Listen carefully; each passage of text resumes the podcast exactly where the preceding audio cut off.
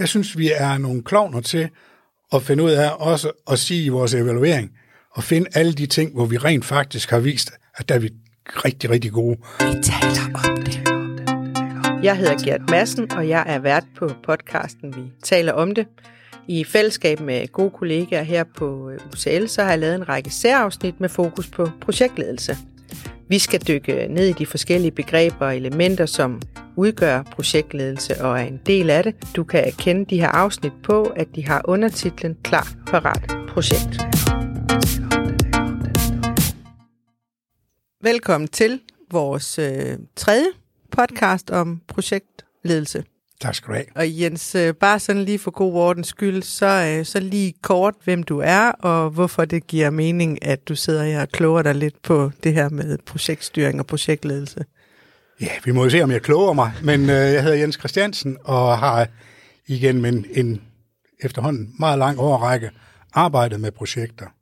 Både hvor jeg selv har været en del af projektledelse, været en del af projektteams osv., men jo selvfølgelig også i høj grad, at jeg har undervist i hvert fald i noget, der minder om 20 år i øh, projektledelse og projektstyring. Vi er jo så i gang med at lave sådan en øh, lille række af, af podcast, og har allerede lavet to, og dem skal vi selvfølgelig lige henvise til, hvis det nu er, at man lige er havnet i, i den her podcast, og ikke har hørt de andre, så øh, taler vi i de to andre henholdsvis om, om det her med definition af, hvad er et projekt for, øh, for en størrelse, og der er vi sådan også inde i, i noget med, med typer af, af projekter, og så har vi lavet øh, endnu en podcast, hvor vi taler om øh, formålet med projekter, hvorfor det giver mening at, at arbejde med projekter og rammer og, og retning inden for, for det. Og selvfølgelig også i den podcast taler vi også om mål og succeskriterier for, øh, for et projekt. Så er det jo noget med, at projekter, der arbejder man sådan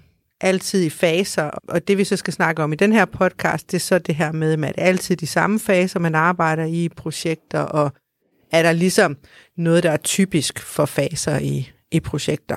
Vi taler om det.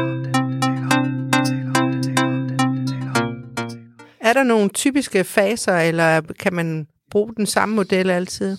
Både set med den erfaring, jeg trods alt har fået bygget op, øh, men også igen i, i teorierne, ja, der, der er der nogle ting, hvor man kan sige, egentlig ligegyldigt, om det er et, et, et kæmpe stort projekt i at bygge øh, et eller andet kæmpe stort, eller om det er igen at, at lave om på nogle forretningsgange i Teams, så har man mere eller mindre en række faser, man bør være i forbindelse med. Så er det klar igen, nogle steder der kan nogle af faserne tage meget lang tid, og, og i andre tilfælde, jamen der er det måske noget, der kan klares på to punkter på et møde. Ja. Skal vi så ikke starte med den første fase? Jo, altså hvis vi sådan skal tage de her ting, der, der generelt vil være i, i stort set alle projekter, så er det klart, hvis man går ud og kigger i litteraturen omkring projektledelse, så er der jo nogen, der har lidt forskellige fancy navne, og det kan også svinge lidt, om der er øh, fire, fem eller seks øh, faser, der bliver nævnt. Men hvis man sådan skal overordnet kigge på det, så kan man sige, at der er en væsentlig fase, der hedder før projektet besluttes. Altså noget, hvor man, inden man overhovedet går i gang, lige øh, afgør, om, om, om det her det nu også skal sættes i værk eller ej. Så kommer der en, en, en stor og en væsentlig en, noget omkring planlægning og analyse. Der kommer noget, hvor vi har, er der, hvor selve projektet sker, altså at der tingene bliver afviklet og udført, og så er der noget, hvor man afleverer ting, og der er noget, hvor man evaluerer, og så har man igen i mange projektmodeller noget, hvor man siger, så er der noget, der hedder drift, og ikke mindst vedligehold. Så, så det er sådan meget overordnet de faser, man typisk skal have med i sine overvejelser. Ja. Så jeg tænker, vi skal prøve at kigge lidt ned i de enkelte af dem. Ja, præcis. Og jeg sådan hører dig sige, at der er faktisk noget før, og noget under, og noget efter, og ja. så sådan noget efter-efter. Det kan man godt sige, ja. Ja. ja. Så igen, som jeg siger, i, i alle livets forhold er der jo typisk før, under og efter. Og det er i hvert fald noget, man skal være meget bevidst om i, i, i projektstyring, at man ikke kun er i nuet. Og når, lige inden vi dykker ned i det, så får jeg lyst til at spørge dig om, tror du, der er nogle af de her faser, hvor vi er særligt tilbøjelige til at glemme dem, eller at springe lige lidt, lidt hen over dem. Det er der, og en, en projektmodel kunne vi også kalde det, som, som jeg også ynder at have frem i mange sammenhæng. Den er nede på, at der er fire. Det er Plan, Do, Check, Act. Den er specielt brugt inden for kvalitetsstyring og inden for, for lean-projekter, men den kan bruges i alle projekter. Noget jeg også var inde på i en af de, de tidligere, det er, at der er mange, der sådan set mere eller mindre lægger ud med at lave en, en meget, meget løs plan, og så ned og du. Og det er, fordi vi lever i, i, igen i en tid, i en samfund, hvor, hvor det der med at eksekvere, det med at gøre, det med at vise, vi er i gang og sådan noget, at, at det værdsættes. Det får man ros for. Problemet er jo bare, at der er rigtig, rigtig mange, der får held af at gøre en hel masse, som måske ikke engang er klar over, om det er det rigtige, vi overhovedet er gået i gang med. Der er mange, der helt sikkert kunne bruge meget mere tid på noget før. På samme måde, det der med både undervejs, der er der jo en masse små før, under og efter. Det kan man sige, det er der jo faktisk på hver eneste opgave. Men det der med, at man løbende også igen husker, at der er noget efter. Noget, hvor man lige samler op og siger, hvordan gik det så? Mm. Så der jeg siger, ind i den store plan er der tit og ofte jo en, en række små planer, som, som hver især har nogle af de her elementer i sig. Ja. Ja. Jamen, så lad os øh, starte med den første. Mm. Den, der hedder før projektet besluttes. Det er jo afhængigt af, nu har vi jo tidligere også talt om det her med forskellige typer af projekter og sådan noget. Og der, der kan jo så være netop et af de steder, hvor det er lidt forskelligt. Altså øh, mange gange, når man har det, så snakker vi om, at, at en af de ting, der kan sætte et projekt i gang, det der kan initiere et projekt, at det er, at man står over for et problem. Og det er jo der, hvor man kan sige, før projektet overhovedet bliver besluttet, der er det måske egentlig meget væsentligt, at man lige går op med sig selv, hvor vigtigt er det her problem, for at tage et eksempel. Og det kan jo godt være, at i min lille verden, der er det her meget, meget vigtigt. Men set i det store sammenhæng, så er det måske ikke lige den, der ligger først for. Der er også rigtig mange steder, hvor man glemmer at, at tage den der sådan helt forlods stemning af, at det her noget, der egentlig kunne være til gavn for de mange, eller er det igen noget, hvor det måske egentlig slet ikke dybest set i den anden ende bliver til gavn for nogen? Mm. Så, så hele det her, før projektet besluttes, der taler vi også om det her med at, at bruge tid på at få sat rammerne, få tid, øh, sat tid af til at, at få diskuteret med, med dem, der er omkring det, om det her det, det giver nogle dybere mening, eller, eller det bare er noget, der måske lige har været irriterende i dag. Selve det at, at få det lavet, jamen, der vil jeg egentlig referere til nogle af de forrige, det med rammesætning og typer af projekter osv. Men det er bare igen, som jeg også nævnte som det vigtige på de øh, podcast, det er det der, at vi skal bruge tiden på det, for ellers så spilder vi en voldsom masse tid. Og noget af det, det kan godt være, at man så er lidt i tvivl stadigvæk, når man står op i før projektet besluttes. Og det er jo så der, hvor man tit og ofte laver noget, hvor man kan sige, der bærer vi det måske lidt ud i noget, der hedder et pilotprojekt. Den er så ikke lige med i det, jeg nævnte før, men det er, at man lige får prøvet nogle ting af, eller at man igen simpelthen laver et forprojekt. Man kan jo kalde det noget forskelligt, ikke? Mm. Men, men noget, hvor man lige bremser op, og så siger, lad, lad os da lige lave et, faktisk et lille projekt ud af, og finde ud af, om det her det er vigtigt. Ja, og der er bemærket, at inden for det offentlige, der hedder det ikke længere pilotprojekter, Nej. der hedder det prøvehandlinger. Det kan hedde rigtig mange ja. spændende ting. Og hvis man kigger på nogle af de sådan lidt nyere tanker. Nu skal vi også lidt ind på det her med traditionel projektstyring og agil projektstyring. Men der er jo mange, der siger, jamen den væsentligste og bedste måde at finde ud af, om noget er noget, det er at komme i gang og prøve noget af. Og så gøre nogle erfaringer. Mm. Og ud fra de erfaringer, så kan det være, man igen siger, hold da op, det var da på tide, vi kom i gang med det. Eller, nå nej, der var faktisk slet ikke noget, eller ideen, ideen holder ikke. I stedet for igen at køre det store skyts frem, så ligger der i det der med før projektet besluttes, noget hvor man lige stresstester sit projekt. Og så får jeg jo lyst til at spørge om, hvis jeg så laver et pilotprojekt, mm. så skal jeg vel alle faserne igennem på mit pilotprojekt også? Principielt, ja. ja. Og der kan du sige, der, der, der er du egentlig ned og besøge nogle af, af de her ting, men klar på, på et andet detaljniveau. Ja. Du går jo ikke ud og starter en kæmpe marketingundersøgelse op, hvis du bare er ved at, at lige sondere terrænet. Men ud og snakke med nogle kunder. Tag fat i dine fire nøglekunder og invitere dem ind. Hør, hvad deres mening er. Om de synes, at det her det, det faktisk er noget, de i den sidste ende vil være villige til at betale for. Ja, det var før beslutningen, før. ikke? Ja. Så beslutningen er ligesom det, der gør, at nu går vi i gang med projektet. Der går man videre, og det kan jo være, at man allerede siger, jamen det her, det er ikke et spørgsmål om, om vi har lyst, det er noget, vi skal. Så kan man jo sige, så, så bliver vi jo mere eller mindre pushet ind, når vi har fået sat rammerne op i den næste, hvor vi så begynder at lave analyser, og øh, begynder på baggrund af dem at lave en egentlig planlægning af projektet. Så den næste fase, det er jo den her, hvor, hvor vi kan sige, at, at vi skal have analyseapparatet op at stå.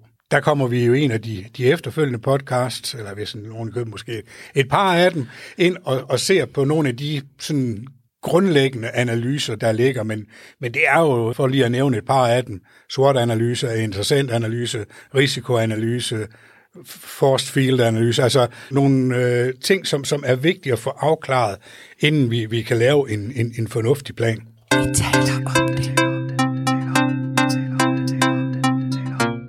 Ligger planlægnings- og analysefasen, er de sammen, eller er det en fase? Altså det der, jeg siger, hvis, hvis, hvis du vælger den ene øh, lærebog, så kan det godt være, analysefasen er en, og planlægningsfasen er en anden. Mm. Øh, I min verden, der vil jeg sige, der, der er det lidt det der med, at, at vi har, at netop de to, det, det, det giver meget god mening, at man, man egentlig ser dem som noget, der fodrer hinanden. Altså, målet med analyserne er jo at nå frem til igen øh, at blive afklaret på nogle planlægningsmæssige aspekter. En meget væsentlig ting i, i, igen er jo at finde ind til, hvad er hovedproblemet for, at projektet er, er fornuftigt.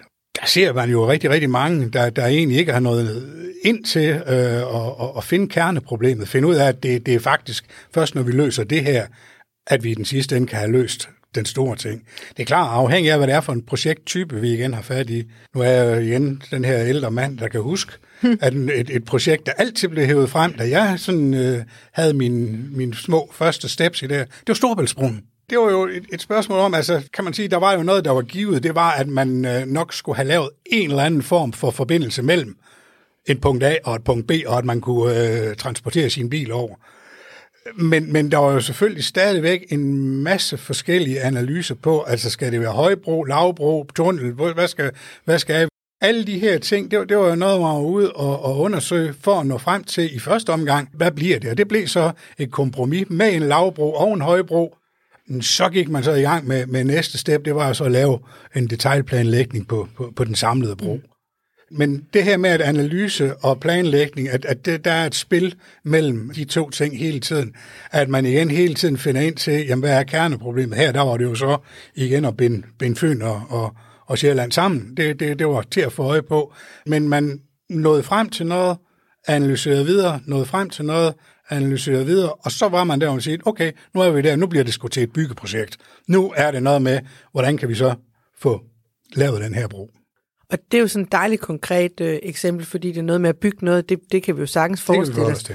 Hvad nu, hvis, øh, hvis jeg skulle forbedre trivselen i en virksomhed? Kunne du så komme med et eksempel på, hvad vi så analyserer på i den forbindelse? Jamen altså, det, det er faktisk igen et, et, et, et super godt eksempel på det der med, at det første er at finde ud af, hvis, hvis man går ud og vil gøre noget ved trivsel, så er det jo typisk, fordi man måske har en lille fornemmelse af, at trivselen ikke er i top.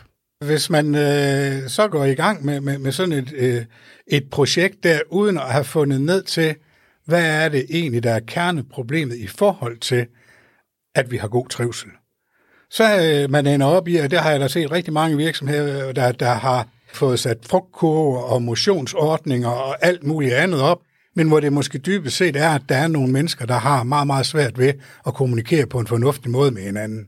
Og der jeg siger, så kan man altså spille rigtig mange penge på en masse tiltag og projekter, der egentlig ikke giver noget, så længe man ikke har fået fat om Nellens råd, nemlig at der er noget her, der ikke virker øh, på det rent relationelle niveau mellem to grupper af mennesker, eller øh, ledelse og, og medarbejdere, eller hvad det nu måtte være. Så det er det her med, når jeg skal undersøge noget om trivsel, så er jeg jo nødt til at grave mig ned, analysere mig frem til, hvor er det egentlig, øh, problemet ligger begravet. Vi taler om det. Så nu er vi jo så så langt, at vi har lavet en rigtig god analyse. Vi ved, hvad er det, der skal til. Vi skal have bygget en højbro eller en lavbro, eller vi skal have forbedret kommunikationen i, øh, i afdelingen. Øh, hvordan omsætter vi så det, vi har analyseret os frem til, til den gode planlægning? Den gode planlægning for mig, det er jo, at, at, at det er en planlægning, der gør det nemmere for mig i hverdagen, og rent faktisk så få løst de her forskellige ting, der skal til, de opgaver, der ligger i det.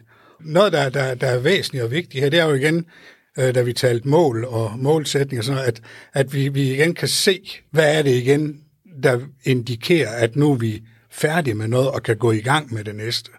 At der igen er noget, hvor det er tydeligt for mig, at der er nogle afhængigheder, som, som jeg hele tiden skal, skal være ops på, hvor jeg kan sige, hvis der er noget, der begynder at, at, at skride for mig, så skal jeg kunne se, at det har en effekt på det, der så ikke er blevet lavet endnu. Men det allervæsentligste i, i, i god planlægningsarbejde, det er jo igen, at jeg når ned, hvor jeg bliver så konkret, får lavet så meget, hvor, hvor det bliver detaljeret til noget, der giver mening for dem, der skal udføre det.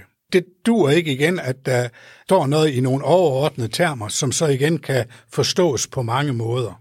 Det er der, hvor, hvor jeg tænker, at det, det er væsentligt og vigtigt igen at have fat i dem, der rent faktisk står for selve udførelsen, og sige, hvad, hvad, hvor, hvor langt skal vi ned for, at, at det giver mening, og også at vi passer på, at vi ryger helt derned, hvor vi bliver for detaljorienteret, hvor de siger, at det kan vi nu nok selv godt finde ud af lige at mingelere lidt rundt med. Så det er en balancegang i en god plan, det er at finde, hvor, hvor detaljeret behøver jeg at være. Fordi jeg tænker også alt efter, hvor komplekst det er, at det jo ikke altid, man selv kan gøre hele arbejdet. Altså nogle Nej. gange skal man vel have fagfolk inden. Enten nogle interne fagfolk, det kan være nogen over i en anden afdeling eller et eller andet. Det kan også være, at du er ude af hus og køb øh, der til nogle ydelser. Så kan man så sige, at der behøver jeg jo ikke at være drøn detaljeret. Der kan jeg jo bare sige, jeg vil gerne have, at I udfører den her opgave. Hvornår skal I have det? Hvornår kan I være færdige? Andet og mere behøver jeg jo næsten ikke at vide, hvordan de gør det, og alt det, det er jo op til dem. Men der kan selvfølgelig være igen, hvis der er nogle, nogle delleverancer eller nogle ting undervejs, så kan det jo være lidt spændende igen at lige i hvert fald åbne lidt forlovet og så sige, hvad, hvad, hvad gør I så hvornår? Det er at finde balancen, men helt sikkert, der er jo masser af steder, hvor man kan sige, jamen altså, det der, det står I bare for.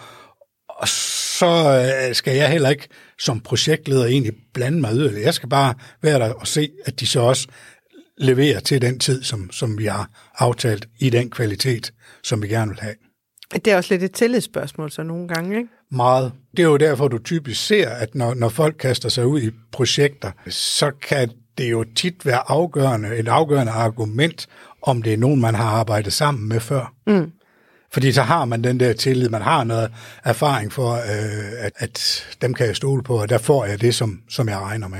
Jeg har selv været i IT-branchen, og hvor, hvor dem, der har købt ting af de IT-virksomheder, jeg har haft med at gøre, jamen de øh, havde jo ikke teknisk flere. Så der må de jo stole blindt på, hvad det var, vi kom med. De har lavet en meget tydelig kravspecifikation. Der var nogle test, man måske igen skulle øh, igen, når, når tingene var færdige. Man sige, bestod projektet de tests, så var det okay, så var det mm. godkendt. Så der har du selvfølgelig noget, når du er ude af huset, over i en anden afdeling, ud af projektet, kan man næsten sige. Det er det jo så ikke helt, men, men, men i hvert fald det er uden for din projektledelse, så behøver du ikke at, at bruge masser af krudt på det. Nej, nu nævnte du lige kravspecifikationen, mm. og den tænker jeg så hører til i den her fase med analyse og planlægning. Den bliver jo et output. Altså igen, når man har analyseret sig frem til blandt andet, hvad er det, vi skal kunne, hvad er det, vi uh, har behov for. Det er jo det, der man, man stadsfæster i et eller andet skriv, hvor man siger, det er så det, der er levering, det er det, som vi skal have, det er produktet. Og så går vi i gang, ikke? Så er man tæt på at gå i gang. Altså der kan man sige, at der er mange øh, forskellige måder at gå i gang på, men, men det er rigtigt, altså når, når planen den ligger fast, så går vi i gang. Nu skal det siges, at selv i gammel vandfaldstankegang, hvor man lavede de her sådan øh, lidt længere øh, sondringer omkring et projekt, der kan da godt være, at man var gået i gang med nogle af de første ting i selve projektet, inden man måske nødvendigvis havde gennemanalyseret de aller sidste. Okay, så der kan godt være sådan lidt... Der har været sådan en glidende overgang ja. til det her med, at vi skal snakke agil også, men man kan sige, der, der var i hvert fald nogle ting, hvor man satte ting i værk. Man, man sagde, jamen altså det her, det kan vi lige så godt få gjort, for det skal vi jo. Inden man måske sådan helt var blevet enige om, hvordan kommer undervisningsforløbet i det her nye system, hvordan kommer det til. Der var bare en pind, der hed, vi skal have noget undervisning. Der var en, en rammesætning af, hvor meget regner vi med, det kommer til at koste, og hvornår skal det i givet fald sættes i gang. Men nu har jeg da selv prøvet ved mange lejligheder, at, at den der med at detaljplanlægge på, øh, hvornår og hvem der skulle holde det, og hvor det skulle holdes hen, det var ikke på plads, da projektet gik i gang. Og det kan man sige, det var jo egentlig lidt over i det der, hvor man i den agile verden siger, det gider vi slet overhovedet ikke beskæftige os med endnu. Vi, vi ved, det kommer. Den tager vi altså, når vi om halvanden år får brug for det. Ja, så nu leger vi, vi i gang. Mm. Glidende overgang eller ej, så, så tænker jeg jo, at så er, er der også et, et arbejde i den fase, noget vi skal være opmærksomme på. Der er igen en stor opgave, og der er faktisk en opgave, som jeg igen til stadighed oplever, at, øh, at man måske ikke helt gør nok ved. Og det er den der løbende opfølgning. At det er jo ikke nok bare at have skrevet det. Der er jo også nogen, der måske en gang imellem skal ud og motivere og pushe lidt på tingene. Der er noget, hvor vi bliver ligegyldigt, hvor gode planer vi laver, så bliver vi ramt af det, der hedder virkeligheden. Og der sker nogle daglige ting. Altså, der er nogen, der lige pludselig ikke møder ind. Der er måske en leverance, der ikke lige kom til tiden. Og, og der sker jo hele tiden sådan noget, hvor, hvor hvis, hvis man som projektleder tror, at bare fordi man har lavet en god plan, så kan de læse det hele ud fra den. Nej, det kan de ikke, fordi alle de her afvielser kan de jo ikke læse i din plan. Du kan ikke slippe tingene. Du skal ud hele tiden og mærke, hvor er projektet hen, hvad er der behov for. Og det kan både være de her sådan lidt hårde ting omkring, om vi følger tidsplanen osv., men det kan så sandelig også være den der, at, at man pludselig oplever, at der er øh, to leverandører, øh, som har fundet ud af, at de øh, ligesom skal bekrige hinanden lidt. Jeg har selv prøvet at sidde som sådan overordnet projektleder på en stor softwareløsning til en kunde, hvor der var fem forskellige softwareleverandører, hvor de skulle få tingene til at gå op i en højere enhed. Og, og der vil jeg sige, at øh, der havde jeg fejlestimeret, hvor meget tid jeg skulle bruge på det. Fordi øh, de kom lynhurtigt op og skændes, og hver gang der var et problem, så var det altid de fire andre, øh, der havde problemet. Så, så, så det var jo noget, hvor man kan sige, der der løbende opfølgning, det var jo helt ned på det niveau, at du sådan set skulle ind og løse konflikter. Jeg skulle lige til at sige, at de kunne få et kursus over ved mig i konflikthåndtering. Jamen, det, øh, det, det vil de helt sikkert have gavn og glæde af. Så... Hvorfor tror du, det er svært? Altså, øh, altså er det fordi, at, at vi synes, at vi blander os i andres arbejde, eller er det fordi, vi er glemsomme, eller hvad ligger? Det er måske fordi, der mangler det i planen noget omkring, med hvem har egentlig ansvar for hvad. Og det er igen, der, på kurserne gennemgår vi nogle værktøjer, hvor man netop gør en masse ud af det her med at sige, hvem er det egentlig, der har hvilket ansvar på hvilke tidspunkter for hvilke opgaver. Når der er noget, der går galt, hvem er det så, man går til? Hvem skal informeres undervejs om de her afvielser, der, der helt naturligt kommer, og, og i hvilken form? Har man tænkt det igennem, og er det en del af planen, så står man ikke og skal opfinde løsningen på, på de udfordringer, man møder, så har man et eller andet, hvor man i hvert fald kan sige, fundamentet for, hvordan vi skal løse de her ting, den er til stede. Man kan gå ind og sige, jamen okay, indtræffer det her, jamen så skal jeg have fat hurtigst muligt i de tre personer eller organisationer, eller hvad det nu er, og vi øh, skal tage fat om det, og igen få skabt noget, hvor vi går ind og sikrer, at vi kommer tilbage så godt vi nu kan på den oprindelige plan. Og så er vi færdige nu. så er vi færdige. Ja, det er vi jo øh, langt hen ad vejen. Så kan man jo sige, at, at følger man planen, så ved vi jo så også lige præcis hvornår. Som jeg sagde, der er jo noget, der hedder aflevering, og det, det, er, jo, det er jo som ofte sådan noget, som bliver betragtet som et eller andet med en dag, hvor man siger, værsgo. Der er sådan igen nok egentlig lidt mere i det her med aflevering. For det første er det jo noget, hvor vi forhåbentlig har talt om, hvad afleveringen går ud på helt i start. Altså det er jo en del af igen at, at, at få rammesat det hele. Noget andet, det er jo, at når vi begynder at komme hen i nærheden, så kan det jo egentlig godt være, at vi selv, hvis du er en god projektleder, lige går ud og sikrer dig, at vi stadigvæk er enige om, hvad er det, vi egentlig afleverer, hvornår, til hvem, og så videre. Allerbedst så står der jo noget omkring det her i planen, men det kan jo godt være, altså det igen, det skulle være underligt, om alt bare er gået fuldstændig efter en, en, en plan. Snorlige. Hele vejen igen. Der jeg har stadigvæk sat nogle flasker vin på spil mange steder og sagt, hvis I kan komme med en plan, der fuldstændig fuldt snor lige det, der var planlagt, så giver jeg en flaske vin. Der er aldrig nogen, der sådan har kunne komme med det endnu. Der er nogen, der har prøvet, men øh, man kan ret hurtigt se, at, at det ikke lykkes. Men noget af det, det er jo den her med afleveringen igen, altså at, at der skal være en god aflevering. Fordi hvis ikke der er en god aflevering, så er helt sikkert, så opstår der et nyt projekt, nemlig en at få ryddet op efter det forrige. Ja. Har man en god aflevering, så kan man sige, okay, den hænger meget i min verden sammen med den næste af de punkter, øh, jeg havde, nemlig at man evaluerer. Ja, fordi, fordi det er jo ikke nok at, at, at bare sige, værsgo. Nej. Hvad med implementering? Det, det var sådan lige et ord, jeg savnede. Øh, den, den vil i, i den her sammenhæng jo ligge lidt ned i netop afleveringen. Men den ligger måske også op i, at det er noget, der er op i udførelse og, og løbende opfølgning. Altså selve det at implementere ser jeg jo som en del af projektet. Okay. Altså hvis jeg igen øh, skal gennemføre et nyt setup ude i en produktion eller et eller andet, så mener jeg, det er, jo, det er jo så projektet, og det vil sige, at, at en del af det at udføre projektet, det er jo så også at få den implementeret Ja. derude. En god pointe. Vi taler om det. Så, øh, så evaluering, nu har vi afleveret, Mm. og, øh, og nu skal vi så øh, sige øh, noget om, øh, hvordan ja. er det gået.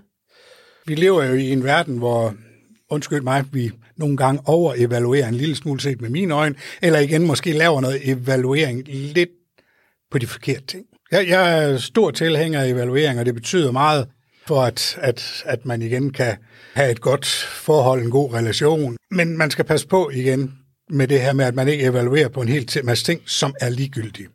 Og specielt ligegyldige for modtageren.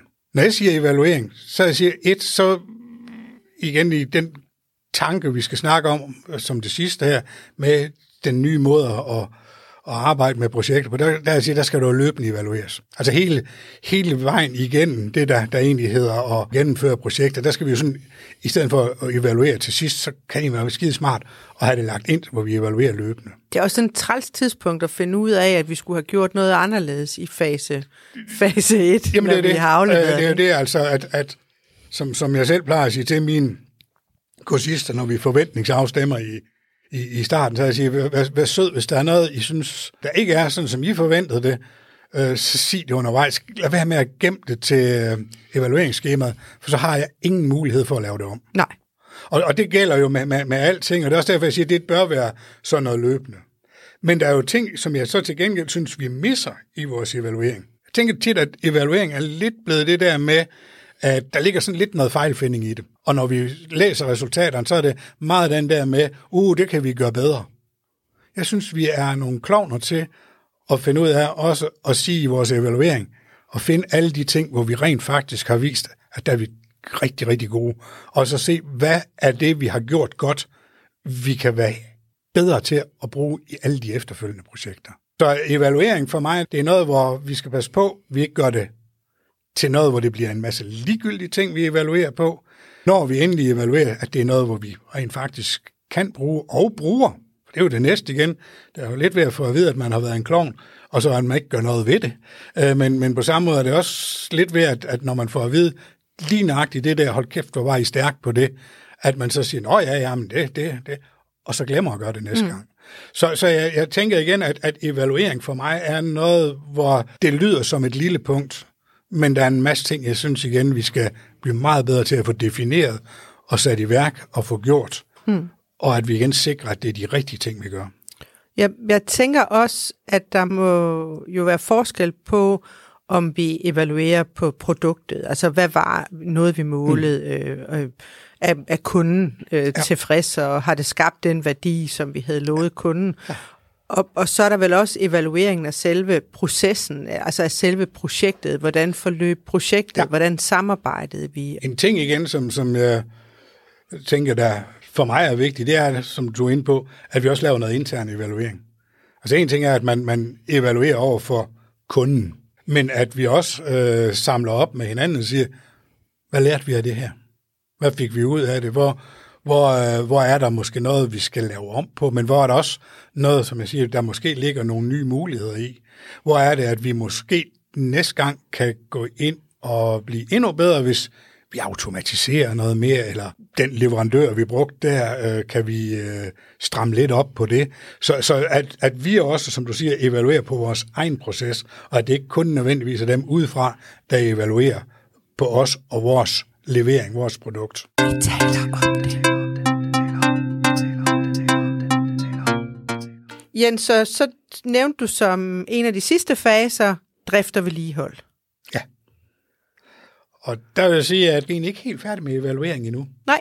Fordi en del af det, det er jo, at noget af det, man skal evaluere på, øh, der giver det jo egentlig bedst mening, at jeg først evaluerer, når ting har været i drift et stykke tid.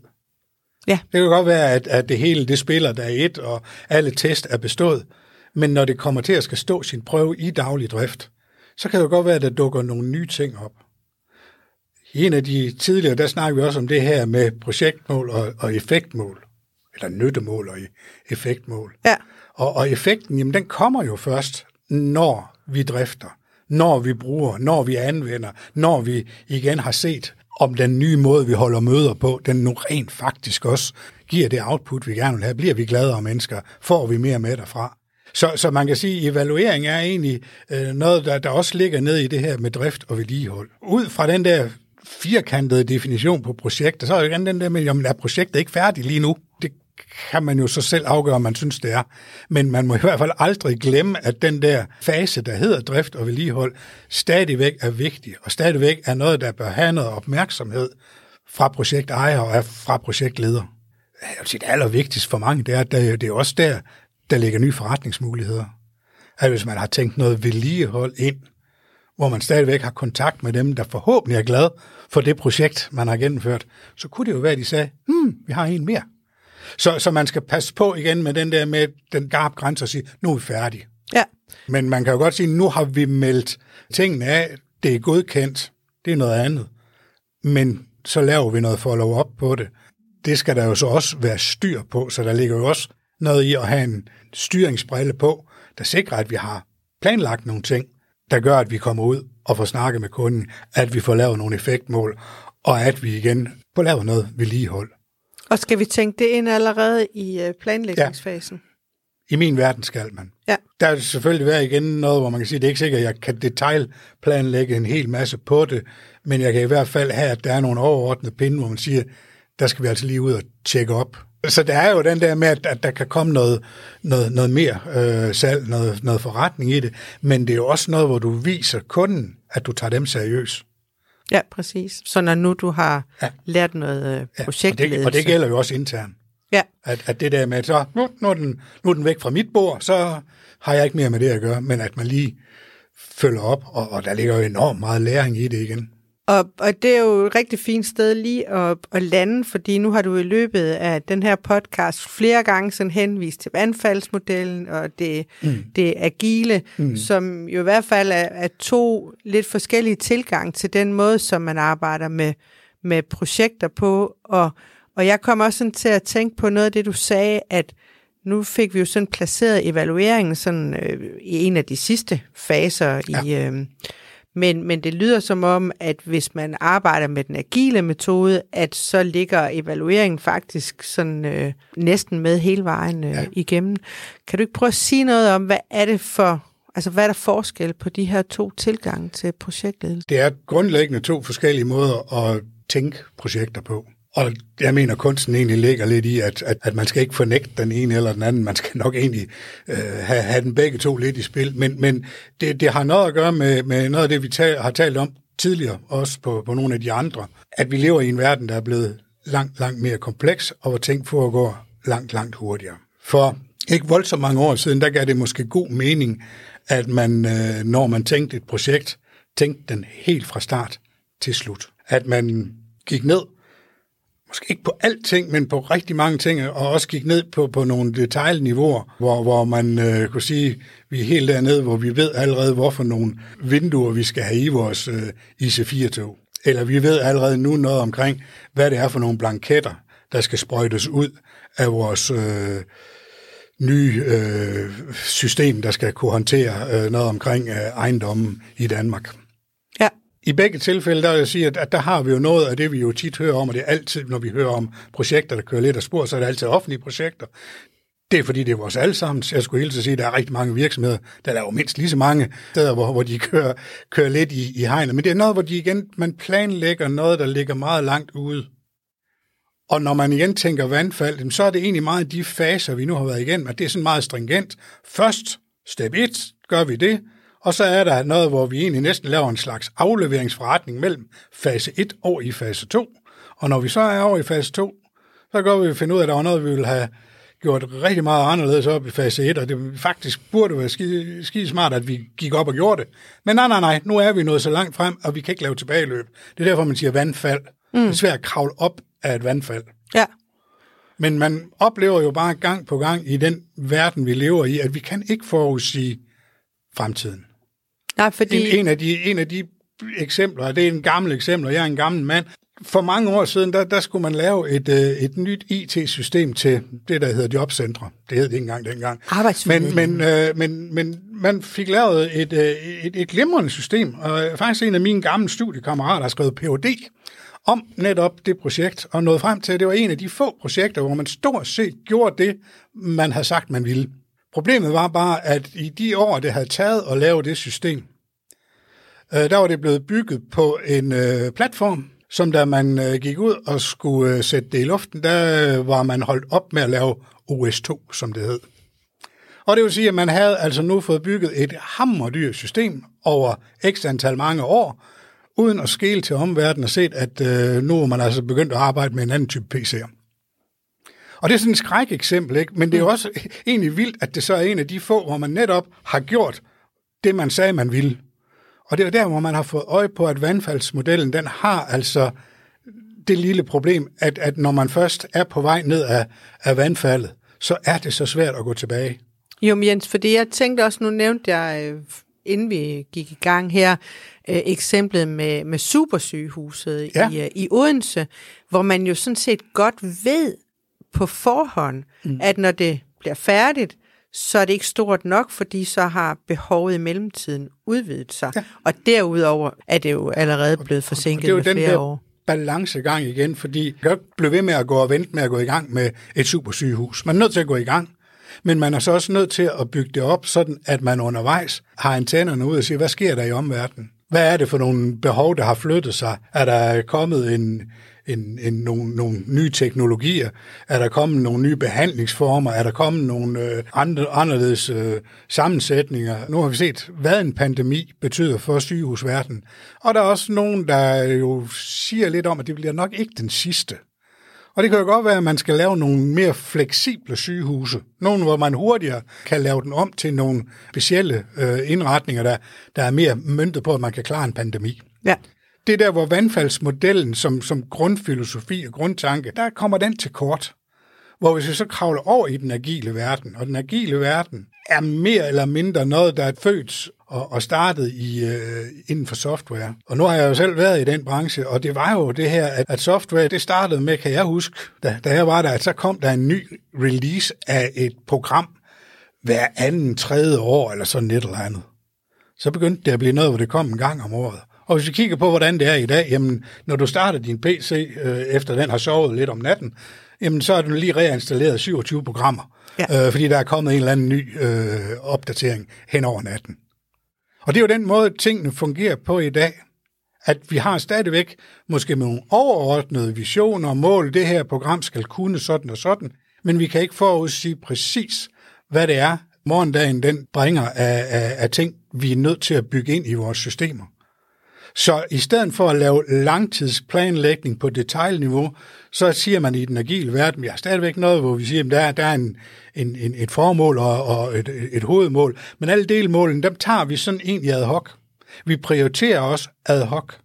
Fordi pludselig kan der være noget, hvor, hvor der sker noget nyt, som er væsentligere at have med at gøre. Øh, der sker jo hele tiden noget, og det er altså ikke kun inden for teknologi. Og hvis jeg skal til at lave om i samtlige mine planer, samtlige mine, mine setup, samtlige mine beregninger, for igen at skal lave dem om allerede igen om en uge, så kan det jo blive en lang proces i sig selv at vedligeholde sin plan. Ja, fordi "Nej, så, så ødelægger man jo dem. Men jeg sidder jo og tænker, at det må jo være øh, langt sværere i, øh, i agile processer at holde styr på, hvad er leverancer for, for en størrelse, og hvordan ja. laver jeg den... Altså nu snakkede vi jo opfølgning lige før, da vi talte ja. om, om faserne. Fordi hvad er det så, jeg skal følge op på? Mm. Og det er, jo, det er jo der, hvor man i den agile tankegang selvfølgelig ret hurtigt fandt ud af, at det var et problem. Ja. Øh, men, men det, man jo så typisk gør øh, her, det er jo, at man involverer kunden langt, langt mere. Og at man øh, løbende egentlig har kunden involveret i, at de også er med til at prioritere. Man siger, hvad, hvad, hvad, tænker, hvad tænker du, kære kunde, der så er vigtigst lige nu? Og at de igen er med ind og, og siger, jamen okay, det er en fin del leverance, den er vi tilfreds med. Øh, og og øh, på den måde, at, at, at man egentlig øh, også får en langt gladere kunde, fordi de bliver langt mere involveret. Og i stedet for, at de modtager noget, hvor de egentlig synes, at 80 procent, det var okay, efter den gamle, men, men der er jo 20 procent, de er utilfredse med, så kan man sige, her der er det nogle små leverancer, og hvis der er et eller andet, hvor de siger, ah, det skal altså lige være lidt bedre, så kan vi nå at få det på plads, inden jeg egentlig fortsætter med, med næste step og næste step. Og det kan jo også være, at selv hovedformålet, hovedmålet i et projekt, der er det jo heller ikke unormalt i dag, at man siger, den flytter vi altså lige. Nu er det ikke det der, der er sjovt mere. Nu er det det her over. Og hvordan ved man så, hvornår man er nået mål? Det er svært, men der har du alle de små mål. Hvis du løbende når de små mål, og det hver gang er noget, hvor du kan sige, der skabte vi værdi, så vil du nok egentlig også overordnet skabe noget værdi.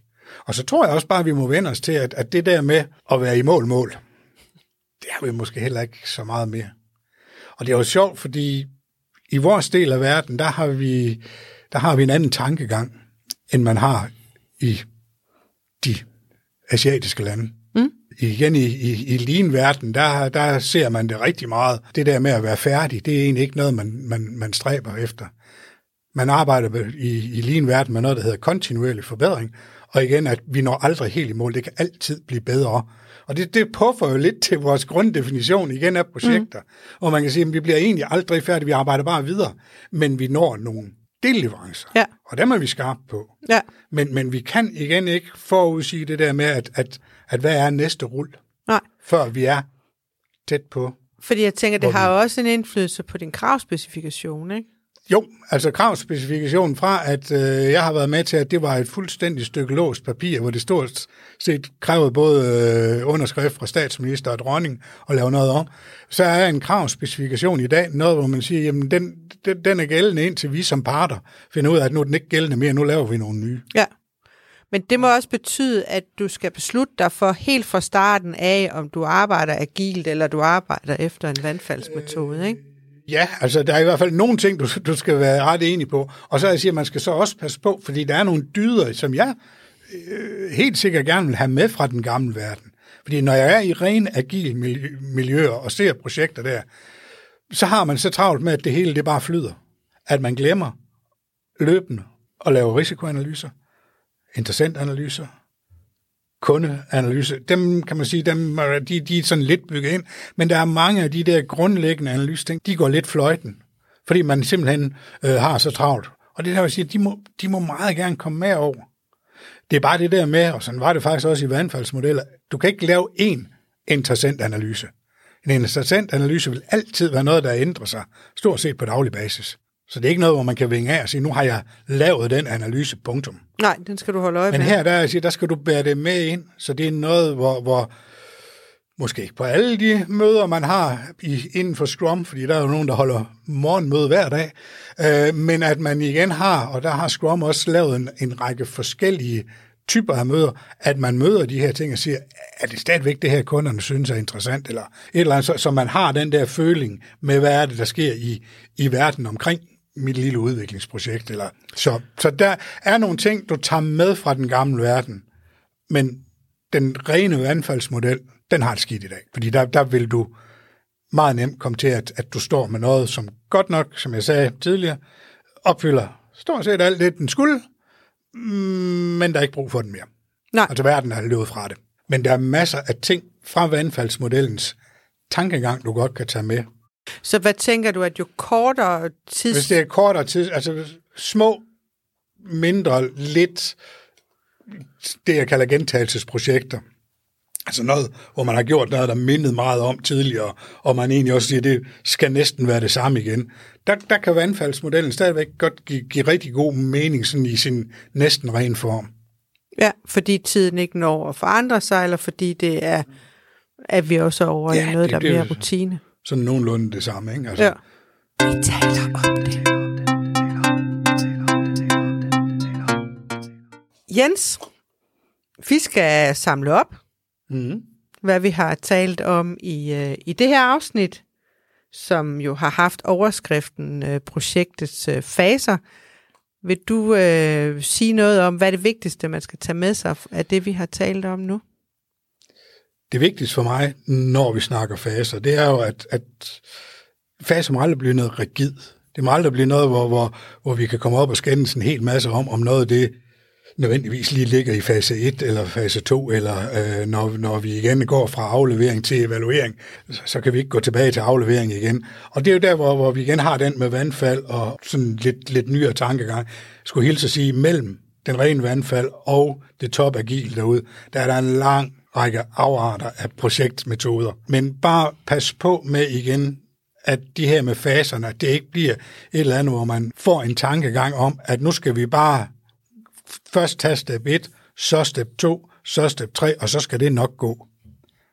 Vi er nødt til, i den verden, vi lever i nu, selvom vi også på mange punkter måske siger, at det her det er et projekt, øh, hvor vi godt kan bruge en masse af vandfaldstankegang, så må man aldrig nogensinde lade projektet styre dig. Du skal styre projektet. Vi taler om det. Så fik vi talt om projektledelse. Jeg hedder Gert Madsen, og jeg har sammen med Julie Koval produceret denne podcast. Michael Larsen er manden bag musikken. Hvis du vil høre mere om projektledelse, så gå på opdagelse i de andre afsnit af Klar Parat Projekt.